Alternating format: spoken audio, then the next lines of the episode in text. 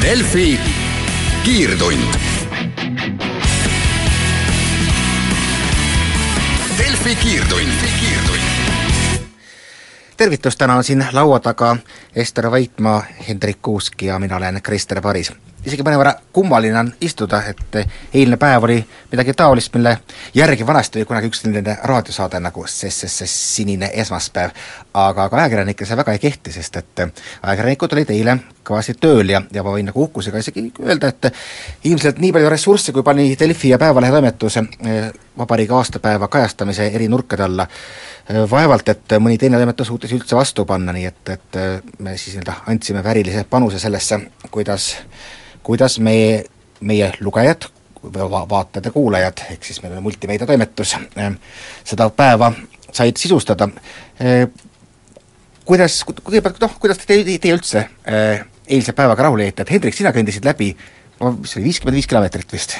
Jaa, tervist, no viiskümmend viis kilomeetrit ma läbisin tõesti eile, mm, nendest küll tõsi, äh, natukene üks ots taksoga ja üks ots trammiga aga ma arvan, et jalgsi no nelikümmend ikka tuli võib-olla ära või? võib-olla natuke vähem, ma ei tea. aga jah, tõesti maratoni kõnd, et mi-, millega sa sisustasid oma päeva äh,? Sisustasin sellega, et ma võtsin nagu ette kõik äh, sündmused, mida ma suutsin kusagilt leida, mida keegi korraldab Eesti Vabariigi päeva raames. ja siis hakkasin nagu kõmpima. Ja üllatav on see, või noh, ma ei tea, kas just üllatav, aga pigem tore, et tegelikult hästi palju on äh, erinevaid üritusi, et kui me oleme tegelikult harjunud sellega, et Eesti Vabariigi sünnipäeva tähistamine tähendab, et äh, on paraad,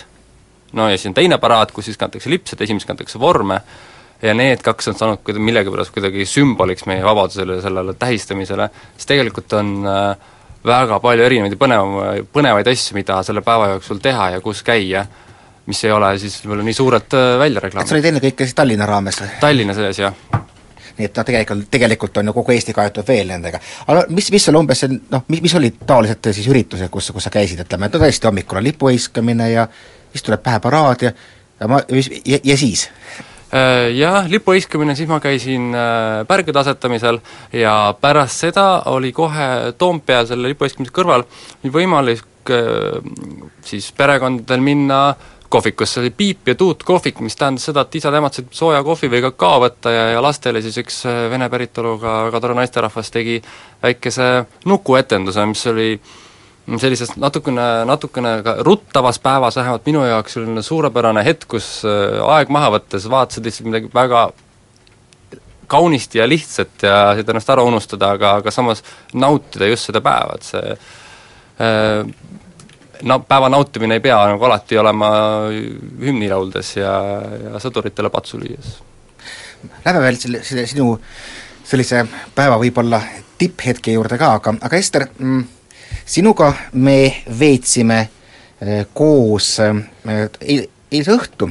ma see on taba, tõsi, Krister. tabasin ennast tegemas väga huvitavat asja, kommenteerimas eh, inimeste ikka välimust ja siis jutustamas lugusid, mida üks või teine ekraanil ilmuv nägu inspireerib, aga, aga tegelikult oli see no tõesti ka, ka selline nagu finiš suurtel tegemistel. E, üks Ester, väga paljuski sinu kantud e, projekt e, jõudis ka meie presidendi kõnesse, kus küll Delfi asemel oli sõna, et internetti ilmusid videod, aga see oli üheksakümmend kaheksa rahvust,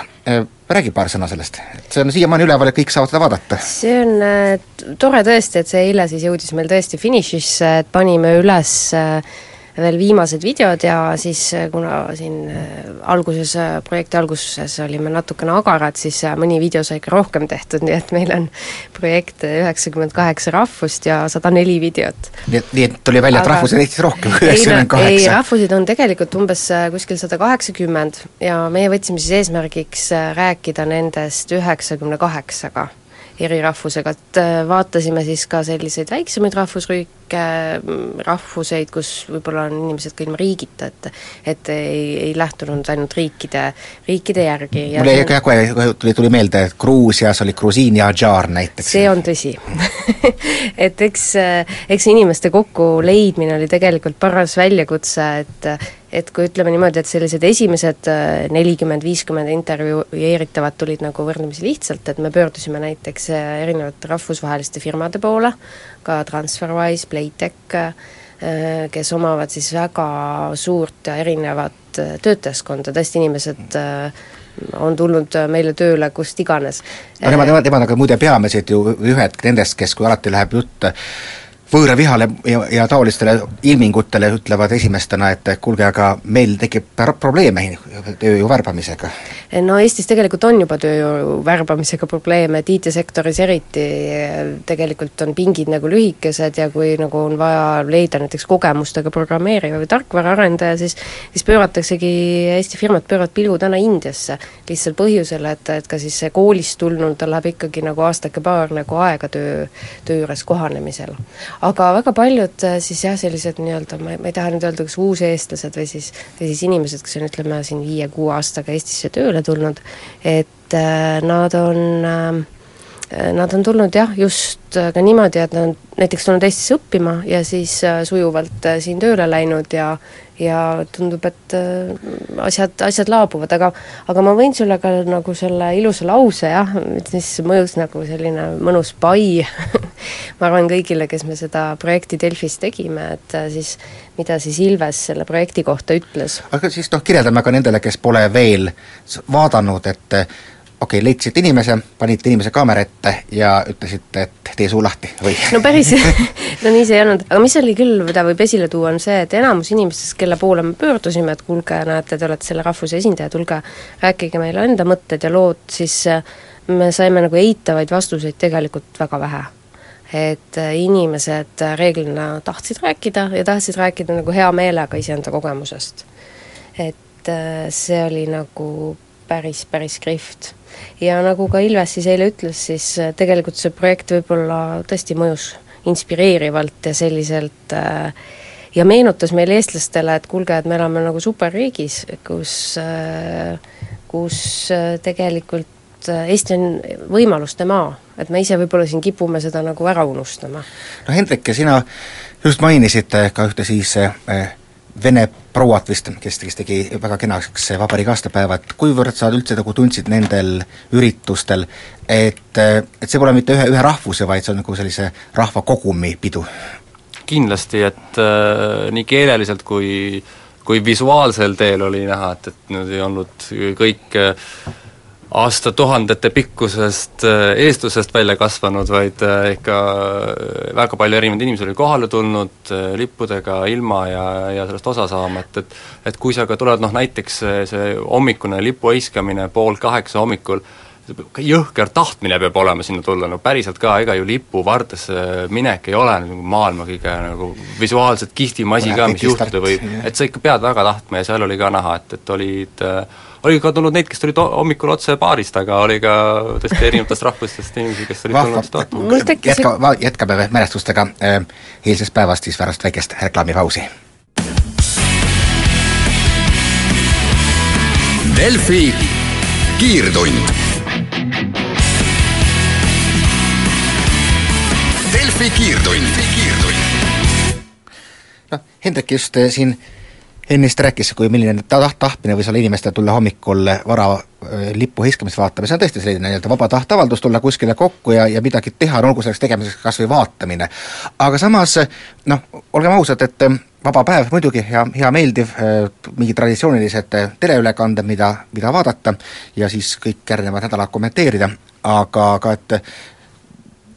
kuivõrd teil üldse jäi, jäi nagu tunne, et, et tegemist ikkagi on sellise noh, no rahvapeoga, et ikkagi, mis iganes tseremooniale tuleb kokku, isegi, isegi kui, kui palju siis tühine protsent elanikest, et kuivõrd see nagu üldse nagu puudutas see, et meil on noh, just Eesti Vabariigi sünnipäev, aga selle vabariigi olgugi, et me oleme õigusjärglased, millest, mida mäletavad meist väga vähesed, noh minu vana, vanaema veel, aga tead, ma just vaatasin siin enne saadet neid äh, tõrvikurongkäigu äh, pilte ja siis mul tundus küll või et tegelikult meil on ju äkki kahekümne neljandal üks korralik õhtune rahvapidu puudu. siis ma arvan, et inimesed tahaks tulla niisama ka peole ja võtta oma sinimustvalget kaasa ja pidutseda, ilma, ilma joondumata võib-olla EKRE ridade järgi, et et äkki on selline üks rahvalik pidu meil suur tuli Eestis puudu. suur leegiga tuli, ikkagi noh, jaanipäev, no me ju teeme neid Vabaduse väljakul, neid kontserte ja asju küll, et äkki siis mõelda sinna mingi selline väikene kogunemisüritus, kus ka miks mitte suurelt ekraanilt saab vaadata siis ka siis nii-öelda eliiti kogunemas. ei tea, kas seda vaja on, et, et eks see ülekanne ju võib kusagil ETV kahe peal joosta, aga aga tõesti, võiks, oleks nagu aeg mõtelda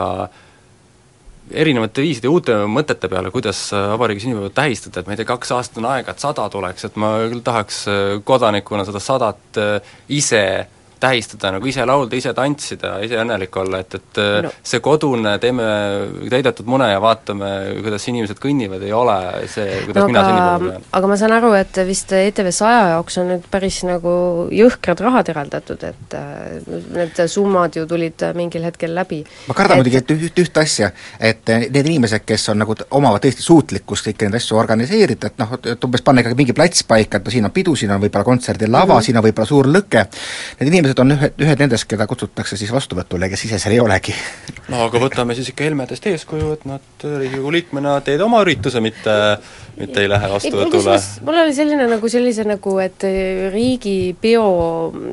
ükskord päris ammu täitsa omal initsiatiivil käisime, sõbraga käisime vaatamas, kuidas üheksandat maid, see oli äkki ka kaks tuhat kaheksa aasta või, või kaks tuhat üheksa, hästi ammu, käisime vaatamas Narvas ja ja siis oli ka tegelikult, eh, nad tähistasid siis nii-öelda sellist ähm,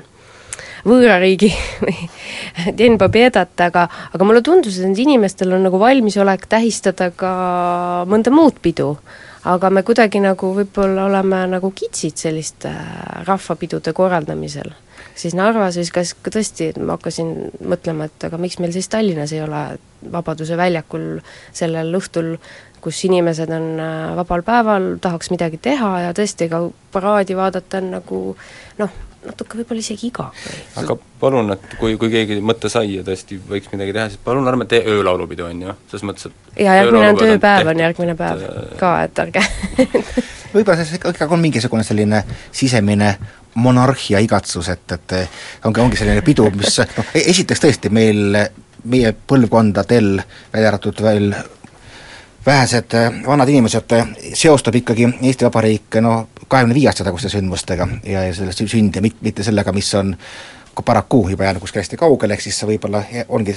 koht, kus me nagu ootame ajalooõpikutes välja tulemas kuningaid ja hertsoge, siis eh, vaatame alt seda alt üles. mina, Krister, tahaks ikkagi öelda mõned asjad ka sellise siis, kuidas sa nüüd ütlesid, monarhia igatsuse maigulise peo järele, aga seal on tegelikult, sellel peol on ka positiivsed asjad, et et tegelikult äh, ikkagi väga paljud seltskonnad, ka perekonnad panevad sellel õhtul ühiselt televiisori mängima, kogunetakse koos sinna diivanitele, tõesti tehakse need kiluvõileivad munaga valmis äh, ja, ja vaadatakse koos, et see on selline ka sellises, pakub selliseid võimalust teha kodust üritust. Ja teiseks, õigustamaks kogu seda kleidindust ja mis, mis mõneti jah, tõesti täidab nüüd järgmised kaks nädalat äh, meie kõikide veebi- ja, ja tele-eetreid, siis siis tegelikult äh, nagu see on hea selline mm, äriliselt ju kõikidele meie disaineritele, et kord aastas on üks selline pidu, kus sul on nagu põhjust äh, tellida kleit, et selliseid sündmusi Eestis ju väga palju ei ole. no lisaks sellele kleidi disainerite võidupühale äh, te-, ma lihtsalt tahaks ära märkida selle, et ma ei ole selle nii-öelda pingviinide paraadi vastu, minu arust on see väga tore ja et tegelikult, et inimesi tunnustatakse, kes on olnud Just. äh, tublid ja tõesti, meie president on kutsunud väga erinevaid äh, inimesi sinna, et see ei ole, ma ei saa nõustuda, et see on nagu mingi eliidi ja ja ma ei tea, poliitilise kliki pidu, et et minu arust see on väga vahva, et, et et inimene saab tunnustada, jah, ma tegin midagi hästi, mind on tähele pandud, ma saan korra minna, panna ennast ilusasti riidesse, väga tore. Hendrik, sina kirjeldasid äh, oma tänases äh, väga vahvas reportaažis äh, lõpuosas just äh, seda, mis oligi päeva lõpus, ehk siis seda, sedasama tõrviku rongkäiku, millele sa ka juba viitasid, ja, ja, ja kirjeldasid teda noh, umbes selliste sõnadega, et sa tunnetasid, et sa saad väga hästi aru, mispärast EKRE on üks kõige jõulisemalt liikle, kas siis liikmeskonda või vähemalt toetajaskonda suurendavaid äh, parteisid, et oli siis äge? väga äge oli, super, selles mõttes, et äh, selliseid äh, rahvaliikumisi Eestis ju nagu väga ei ole ja tal on olemas kõik elemendid, äh, mis mis panevad, löövad nagu emotsiooni üles, mis tekitavad sinus patriotismi ja siis veel natukene võib-olla viha, sa leiad ühise vaenlase ja lõpuks, kui liikuma hakati, siis seal rongkäigu ees oli veel üks tüüp, kes mängis nagu trummi, see kõlas natuke nagu šamaanitrumm, aga pigem niisugune nagu sõ-, sõtta mineku maik oli nagu juures, et Helme veel tsiteeris mingit äh, väepealikku ja siis hakati marssima. loomulikult, kui sa, mm, kui sul on natukenegi mingi tühisosa, kui sa tunned ennast juba patriot, patriootlikult ja lähed sinna mm, kustutad ära mingisugust tausta, lihtsalt oled seal sees, rahva keskel jalutad, väga raske on mitte vaimustuda. see on umbes natuke võib-olla samasugune tunne, nagu kõndida eh, koos spordifännidega pärast eriti suurt võitu kuskil mööda tänavaid siis puhas massi nii-öelda hüpnoos või see, kuidas äh, mass äh, tekitab ennast juurde, on ju, ja, ja noh, need elemendid, alati seal võib tuua paralleele ma ei tea, Jüri ülestõusust ärkamisajast, Tõnis Mägi pannakse mängima, no kellele ei hakkaks süda värisema, on ju muidugi. Et jah, ehk siis EKRE EKRE on suutnud tuua järelikult eh, Eestisse uut tüüpi nagu miitingute formaadi, ma mäletan, eh, mu endine eh, kolleeg Anton Aleksejev kirjeldas, kuidas ta pidi kunagi Tallinnas filmima, Toompea ees oli mingi meeleavaldus, kas olid õpetajad või keegi iganes, noh, oli protestimiiting. Ja siis ta ütles, et noh, mulje jäi nagu, nagu Vene matus, et kõik seisavad niimoodi kuidagi pead longus ja kuulavad võib-olla üksikut kõnelejat ja siis lähevad niimoodi sama tusasena laiali, tagasi laiali, aga vot äh, nagu õige miiting, mis annab ka niimoodi hoo sisse, siis ongi just seda tüüpi pigem. jaa, kindlasti, et natukene, natukene ängi või viha nagu peab seal olema ja seal noh, need inimesed olid hästi erinevad tõesti, noh, ei, ei tuvastaks peale vaadates ära, et kas tema võiks tõrviku kätte võtta või mitte, on ju, et nad võtsid. Et mis see, mis see peamine oli? ikkagi mm, protest, ikkagi või uhkustunne, pigem nagu pidu, pigem nagu viha, pigem nagu pigem nagu soov näidata, et ma olen ikkagi eestlane või? kindlasti, et, et ma, väga suur rahvustunne, et ma olen eestlane ja, ja mina olen ka siin, vaadake. ärge unustage ära, et üks asi, mida ma tunnen, on, tundsin seal, ongi see, et need inimesed on toonud kokku see, et neid ei ole kuuldud, neid ei ole tõsiselt võetud kunagi, et me räägime, et mina olen nagu eestlane, ma olen rahvuslik, ma olen patrioot, ma olin tuletorni, vabandust, teletorni juures, ja nüüd nagu keegi ei kuula mind. ja see mass tegelikult nagu kogu aeg suureneb, suureneb, keda ei ole kuulda võetud, et tegelikult neid inimesi, seda tuhandet inimest, kes marssis äh, seal vanalinnas, tegelikult peaks kuulama. Situatsioon natuke meenutab seda, mida äh, hiljutises Menemo turniiris äh, loeti ette üks katke ajalehest, vist oli see võitlus äh, mis oli muidu Vapside ajaleht ja siis küsiti, kes oli, see oli Johan Pitka tekst, mis oli noh, umbes kantud samasugusest tundest, et et tegime, kandsime ohvrit, nägime vaeva ja nüüd oleme siis nagu me nii-öelda noh, kellegi poolt siis hüljatud, et eks ma loomulikult, eks EKRE juhtkond ka teadlikult sellist mentaliteeti kultiveerib. aga see pole üldse ainult, ainult enam EKRE teema, näiteks ma tegin ise intervjuu just ka see vabariigi aastapäeva ürituste raames, tegin esi, eelmise esileedi Evelin Ilvesega, kus ta ütles, et tema tunnetab ka pidevalt seda, et rahvas nagu tahaks karjuda, et meid ju üldse ei kuulda. et küsisin, aga mida sina teeksid, kui sa noh, satud ütleme külapoe kõrval inimestega, kes on väga kurjad, vastamisi, kuidas sa nagu siis noh, neile selgitad, ütles, et aga ma ei selgitagi, see on aktiivne kuulamine, ma lasen neil rääkida. Ja kui inimene räägib ja näeb, et teda kuulatakse, hakkab ta ise mõtlema ka lahendustele. Ja kokkuvõttes tuleb välja, et need kõik, me võime väga kiiresti jõuda hoopiski ühele meelele jah, et ega see tuhandene mass võib-olla ei ole kogunenud sinna ainult sellepärast, et nad oleksid tulihingelist algusest peale EKRE poolt tulnud, vaid noh, kindlasti väga hea EKRE töö, teisest küljest ikkagi see, et lihtsalt neid ei ole kuulatud, nad tunnevad ennast halvasti ja see on see koht, kuhu nad pöörduvad. ja mina ikkagi usun, et Eestis on lihtsalt üks korralik rahvapidu ka puudu aga meie kuulame nüüd hoopiski uudiseid. Delfi kiirtund Kiirtund stuudios on Ester Vaitmaa, Hendrik Kuusk ja mina olen Krister Paris. enne rääkisime siin just kõigest nendest emotsioonidest, mida siis eh, pidupäevaüritused ja ka see, kuidas meie neid kajastasime meile, meile, mis, mis emotsioone need kõik meis tekitasid. Ja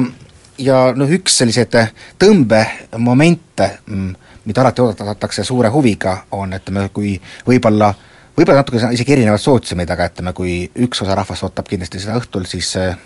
kostüümide vaatamist ja siis teine osa ootab äh, ka seda, mis sõnumiga siis seekord tuleb välja president. ja noh, muidugi ma arvan, et ega ka väga paljuski nad siiski kattuvad, need kaks sootsiumit. ja, ja seekord oodati presidendi kõnet kohe eriti suure huviga, sest äh, esiteks, olgem ausad, Ilves on, on päris hea sõnaseadja aga teiseks peamiselt oli ikkagi tegemist tema siis viimase kõnega tema ametiajal, mida ta siis saab pidada vabariigi aastapäeval ja, ja oli huvitav nagu oodata, et kas ta nii-öelda, mis, missuguse punkti ta siis eh, paneb. et ma ise veel eh, tegin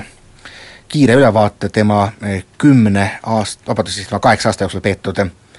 kõnedest, kus oli nagu huvitav vaadata, et noh, oli selline päevapoliitilisi teemasid, vahepeal tuli majanduskriis, mis noh, kõik oli arusaadav, millest ta rääkis, et pidi nagu puudutama selliseid äh, hetkel päevakorras olevaid sündmusi, aga nagu läbiva noodina on kõiki tema kõnesid saatnud üks asi, et tung avatuse järele, äh, selle kuulutamine, et Eesti on ikkagi nii-öelda äh, paindlik, avatud, euroopalik riik, manitsemine, et ei tehtaks seadusi ainult seaduste enese pärast, ehm, muuhulgas siis ehm, kõik, mis puudutavad inimõigusi ja sõnavabadust, needsamad, ütleme, vihakõne temaatika ja ütleme, anonüümsed kommentaarid ja kõik, kõik see, mis ehm, on meil praegu päevakorras, on tegelikult olnud päevakorras ka Ilvese valitsemise aja algusest saadik. ja, ja peab ütlema, et ega siis viimane kõne ei valmistanud eh, pettumust, oli isegi võib-olla veelgi jõulisemalt ja puudutas just tema põhiteesid, ega selliseid konkreetsed nagu vist Eesti, Eesti päevapoliitilisi asju seekord oligi vähem, et ikkagi eh, ta keskendus sellele, mis on kõige tähtsam, kõige olulisem, ehk siis meie ümbruskond on jõuliselt ja kiiresti muutumas, vaata, et noh, meie jaoks ilmselt märksa kiiremini või märksa tugevamalt, kui, kui näiteks oli Äh, kaks aastat tagasi, kui, kui Venemaa tungis Ukrainasse, mis oli küll hirmutav, aga noh, otseselt meid ei puudutanud, see, mis sünnib praegu Euroopa Liiduga, küll aga ka väga. ja noh, mina isiklikult noppisin välja tema selle juhtmotiivi, et äh, nii nagu seltskonnas keegi ei kannata, no mina ma ei oska öelda, teiste kukil liugu lasked või inglise keeles on väga hea väljend selle kohta, freeridereid. et kõik ühiskonnad eh, toimivad nii, et osad ongi siis, siis võtavad rohkem koormust enda kanda, osad on freeriderid, aga alati on mingi mehhanismid, millega katsutakse neid freeridereid ohjes hoida, et nad eh, liiga palju liugu ei laseks. ja et praegu võivad hakata mehhanismid rakenduma, et eh, kui meie ikkagi noh, teadlikult saadame välja sõnumi, et me ei taha aidata lõunapoolseid riike pagulaskriisi lahendamisel ja mitte ainult lõunapoolse, vaid ka Saksamaad ja, ja, ja Rootsit näiteks, siis äh, isegi kui meie abi oleks väike, on, on sümbool, sümbolitel ka tähtsus ja, ja need sümbolid võivad muutuda meie jaoks väga reaalseks A rahaks, et hakatakse tõesti blokeerima Euroopa Liidu struktuurifondide eraldamist, ja B muidugi küsimus ikkagi ka julgeolekus ja mis kokkuvõttes ikkagi ka kõik lähtub poliitilisest äh, tahtest, ehk siis äh, võtame kas või NATO õhuturbe. vot, nii et see oli nagu minu selline äh, äh, nägemus, kuidas ma võtsin, kuidas ma nägin presidendi kõnet ja ma ütleks, et et nagu äh, minu, mind ta kõnetas, ta rääkis õigeid asju. ja niisamuti näiteks mind kõnetas äh, Taavi Rõivase kõne, mida ta pidas päev varem Tartus, et ma vaatan ja see, kuidas ta kirjeldab äh, probleeme ja nendele lahendusi, on noh, praktiliselt äh, nüanssides võib erineda, aga võiks nagu kõikide sõnadega nõustuda, et ainult küsimus on see, et miks peaminister räägib äh, asjadest, mis võiks olla, mitte seda, mida ta teeb ja, ja, ja mis on. lahendused nagu on olemas peas, aga kõnes, kõnepaberil on olemas, aga reaalsusesse ei jõua ja jah, mulle ka Ilvese kõne laias laastus ikkagi meeldis, et ta hästi keskendus just niisugustele laiematele nagu väärtustele, mida peaks äh, mida peaks tegema ja mis on valesti, et tõesti ta ei laskunud võib-olla detailidesse. aga kriitika, kriitikanooled lendasid äh, õigesse kohta, ma arvan noh, ütleme üks jah, konkreetseid detaile noh, oli selliseid, äh, üks, mida me ka ise esile tõstsime, et täpselt, et, et äh, kui me räägime ka riigi, oma kaitsest, siis eh, USA sõdurid ei vääri kohaliku poliitiku soovitust, et nad peaksid peksa saamise vältimiseks vormiriietust kandma, mis siis sai ajendatud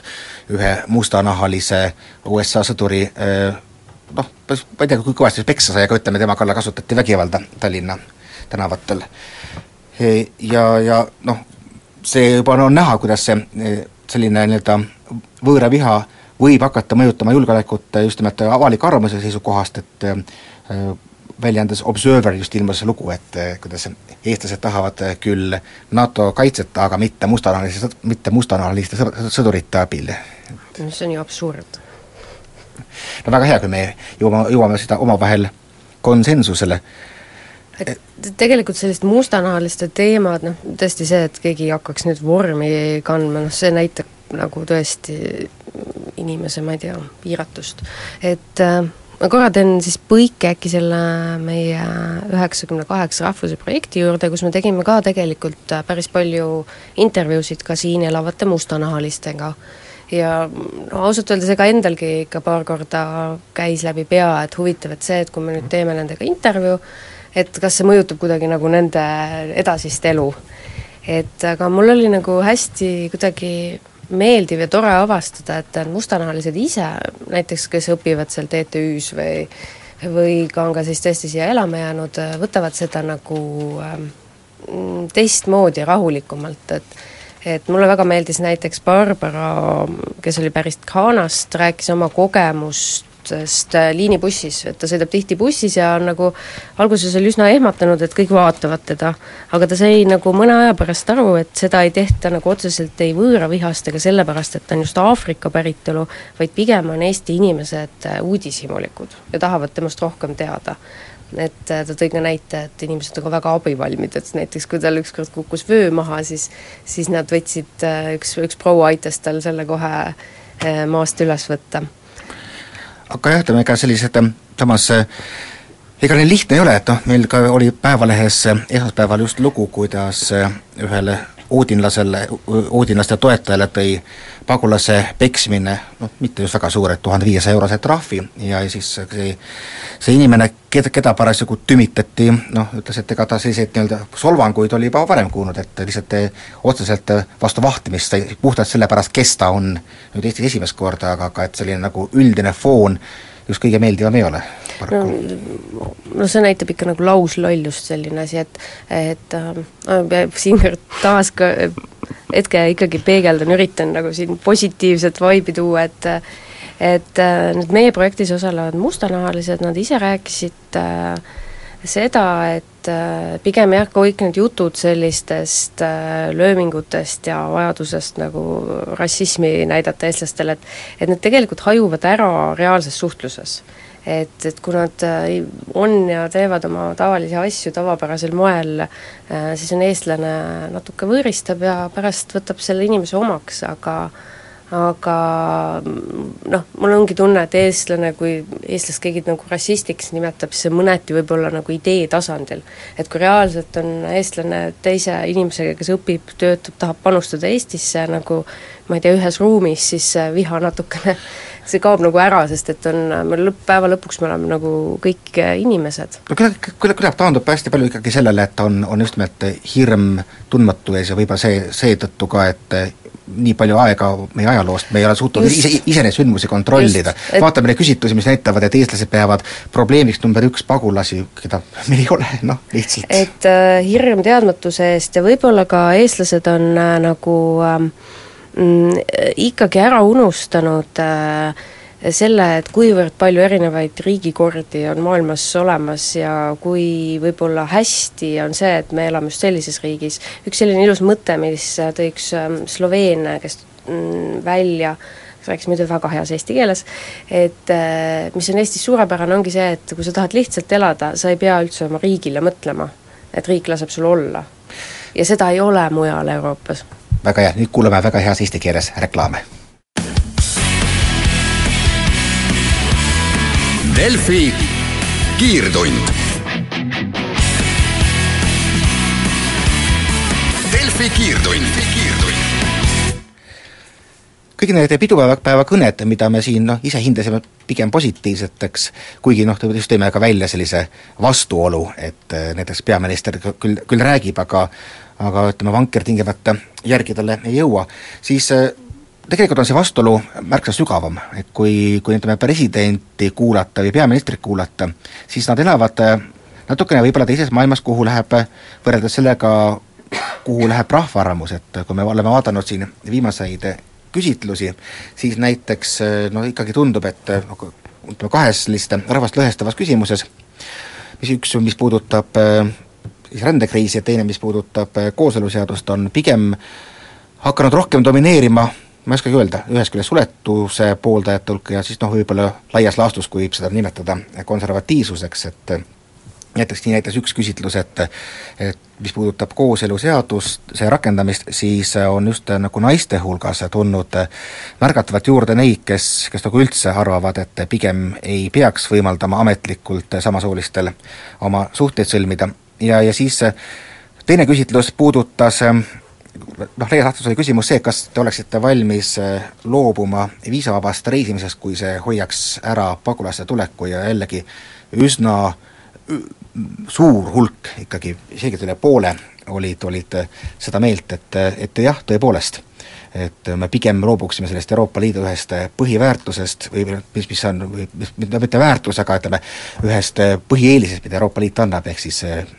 piirideta vaba reisimine ja, ja kaupade vaba liikumine, kui et siia tuleb siis keegi, keda me veel üldse näinud ei ole. et miks on eliit ja, ja rahvas meil nii, niivõrd e-, erinevates suundades minemas? mul tuli lihtsalt, tuli niisugune nagu Eesti, tundub, et Eesti rahvas on nagu tonti oodates oota-oot,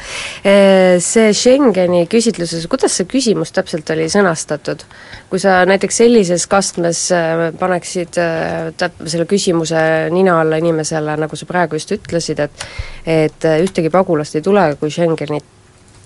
jätame, siis tegelikult võib-olla äkki see küsimus oli ka kuidagi suunatult, sest noh, Schengen on üks eeliseid ja, ja ma ei, nüüd küll ei usu, et see, et kui me nüüd Schengeni kinni paneme, et siis ükski pagulane ei tule, et et äh, pagulaste tulek Euroopasse on ikkagi oluliselt suurem äh, teema, mis on maailma muutumisest, et taas võtame, võtame, võtame, võtame kas või selle pisikese näite, kui enamik tuleb, enamik tuleb Kreekast, siis Kreeka Makedoonia piiri ületades nad ju tegelikult väljuvad Schengeni ruumist uuesti, tulevad uuesti Schengeni no, ruumi pigem, sisse, midagi ei ole, ei päästa see. Euroopa Liidul ja Frontexil vaja võib-olla välja mõelda, et mida teha siis oma selle Euroopa Liidu välispiiriga. et kas asuda seda siis kaitsma või mitte, et äh, ja, ja kui, siis kuidas, et kas teha siis sarnane lahendus USA-le, kus siis kilomeetrite pikkuselt jookseb Mehhikoga näiteks konkreetne tara. noh, mida, mida, mida ütleme, mererannikuga teha ei ole võimalik lihtsalt mitte mingi valemiga, et jah, ma tahtsin ka nende küsitluste juurde lisada, et äh, tasub äh, ka vaadata, kes, kes on tellija ja kes on teostaja, et mõnikord on need küsitlused, mida äh, tõena edastatakse üsna äh, kahtlase väärtusega tehtud, kahtlase väärtusega institutsiooni poolt. Ja, ja need küsimustikud või see noh, kuidas see on üles ehitatud, ongi mõnel korral on jäänud selline, et noh, lihtsalt ütleme, et sotsiaalteaduslikult mitte kõige pädevamalt tehtud, et inimesed vastavad noh, saavad väga erinevad vastused anda, oleneb sellest, kuidas see küsimus esitatud on, et nii tumedates toonides ma noh, jah, ma ütlen tumedates toonides, sest et see lihtsalt ei tundu olema mitte mingisugusel terve mõistusega mõeldes äh, hea lahendus, et, et loobume Euroopale kasvu äh, andvast põhimeetmest selle nimel, et, et võib-olla meile tuleks nagu mm, veel juurde mõned head töökäed, kes aitaksid Eestit paremaks teha, nagu need üheksakümmend kaheksa inimest, keda, kellega Delfi rääkis? mina kusjuures tä-, ei saagi nagu täpselt aru, et mis see alternatiiv oleks. et kas siis noh, kas siis ongi alternatiiv nagu selline pisikene väike üksik riigikene kuppel peal ja siis koeme seal sees, et no on sama, millest ka olema... president rääkis, on ju tegelikult äh, oma kõnes, et, et et Eesti inimesed on, et see noh, me, me ei saa arvata, et me oleme Venemaa piiri ääres Šveits, on ju. no ütleme, ük-, üks dimensioon on kahta, kahtlemata veel juures, et äh, ma, ma, ma ei, ma ei tea täpselt, äh, kas või kuidas äh, liigub Eestis sellist raha, mis tuleb otse nii-öelda sealt, kus ollakse väga huvitatud sellisest Euroopa Liidu lõhenemisest, aga noh, näiteks Marine Le Peni rahvusrinne Prantsusmaal on saanud raha Putini käest ja, ja, ja võib-olla kui, kui, kui ka raha ei ole ja võib-olla aetakse me enda meelest enda asja, siis tegelikult eh, väga, väga hästi sobib see, see just nimelt Kremli poliitikaga, nii et ütleme, kui me oleme siin rääkinud hübriidsõjast äh, või siis äh, Kremli propagandast, siis noh, selge see, et kui tuleb telekast, et Putini hea, Putini hea, Kreml on hea, siis ega see e-, eestlasele küll ei mõju. aga vaat selline asi, mis tegelikult teenib täpselt sellist eesmärki, et lõhestada, nõrgendada, tekitada ühiskonnas pingeid, see noh, paratamatult ta ta võiks olla väga hästi kellegi poolt kuskil Lubjanka keldrites joonistatud plaani osa tahaks selle juurde lisada veel põ-, tagasi põike tõrviku rongkäiku ja selle algusesse, kus Jaak Madisson oma kõnes ütles, et, et EKRE ja nende inimeste, kes sinna siis kogunesid, eesmärk ei ole mitte lõhestada, vaid vastupidi, vastu seista nendele lõhestavale jõudle ühiskonnas, et nemad peavad äh, inimesed kokku tooma. et äh, EKRE retoorika on väga ilusasti, on mänginud viimase ütleme, aasta-kahe jooksul, et mida nad rõhutavad, et kuhu nad ennast äh, Äh, positsioneerivad, kui nad näevad, et et praegu on mure selles, et Eesti riik läheb kaheks, siis nemad tulevad välja, et meie tegelikult toome kokku. üks selge põhjus, mispärast on, ütleme, ka lõhe, noh, me oleme täna, täna kasutanud väljendit eliit ja, ja, ja rahvas nende vahel, on, on selles, et, et riiki tajutakse praegu võrdlemisi nõrgana, noh, see, et öeldakse välja, et Taavi Rõivas on üks nõrgimaid peaministreid, on juba kujunenud pigem klišeeks, ma isegi võib-olla ei jaga seda, aga, aga ütleme noh, see, see on selline arusaam, mis hakkab jõudma inimestesse. Ja just see, et et riik ei sea, kus oleks seda nagu oodatud või vaja, pole eriti kohal. Ja üks väga konkreetseid näiteid on see, millest sa kirjutasid, ehk siis äh, olukorras, kus meil on ikkagi no pigem positiivne majanduskasv, ehkki väga väikene, olukorras, kus me tundub, tundub, et kahe tuhande üheksandal aastal käisid krokodillikäärid nii sügavalt, kui võimalik on, ja me jälle hakkame koondama neid, keda meil võib mingi hetk kõige rohkem vaja minna, ehk tuletõrjujaid ja, ja muid päästjaid. jah, selline plaan Päästeametil on ja no mis selle teeb just äh, no igal juhul on see nagu valus teema, kui, kui päästjate kallale minnakse. aga just kummaline on, on see, et tegelikult see Eesti riigi suur kärpeplaan ei puuduta eriti sisejulgeolekut ja Päästeametis sellel aastal peaks plaani järgi koondatama neli inimest, selle nelja ikka vast kuskilt leiab, ei ole hullu, et see on ikkagi organisatsiooni sisene soov, et meil on vaja äh, kusagile raha juurde, me peame nagu kusagilt võtma ja me peame võtma selle päästjate arvelt. mis siis juhtub, et mingid komandopunktid ma saan aru, et mitte, mitte päris ei likvideerita või mis, mis juhtub tavainimese jaoks? mul läheb maja põlema kuskil, no mitte nüüd Tallinnas, aga viiskümmend kilomeetrit eemal siin mm. -hmm. No ütleme, et üks äh, tõenäoline stsenaarium, mida võib, võidakse teha, on see, et jäetakse osad päästjad kodusesse valvesse, ehk siis nad ei ole valmis mitte komandos, vaid kodus ja siis lihtsalt väljasõiduaeg kas siis äh, pigeneb kümme minutit, kui nad kõik on kodus näiteks öisel ajal, mis on üks mõte, või siis näiteks, et kolm tükki sõidavad välja, ja neljas tuleb paakautaga kodust, ehk siis sul äh, võib saada vesi otsa, kui sul maja põleb samal ajal. noh äh,,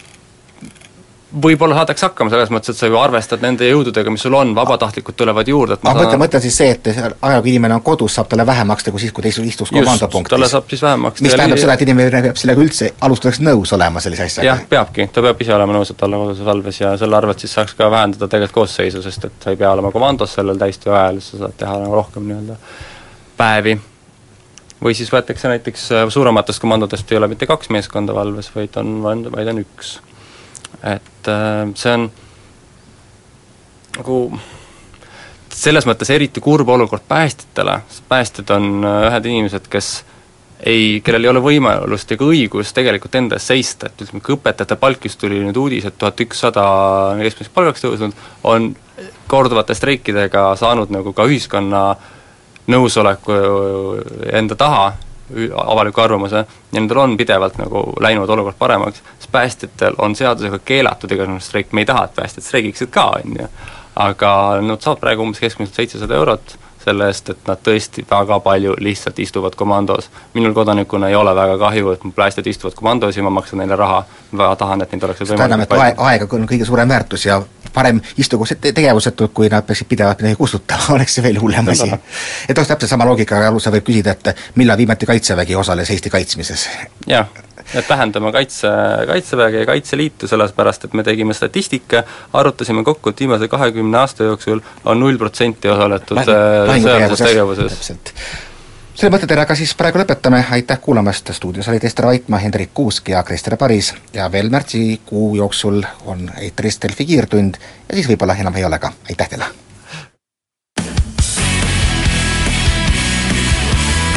Delfi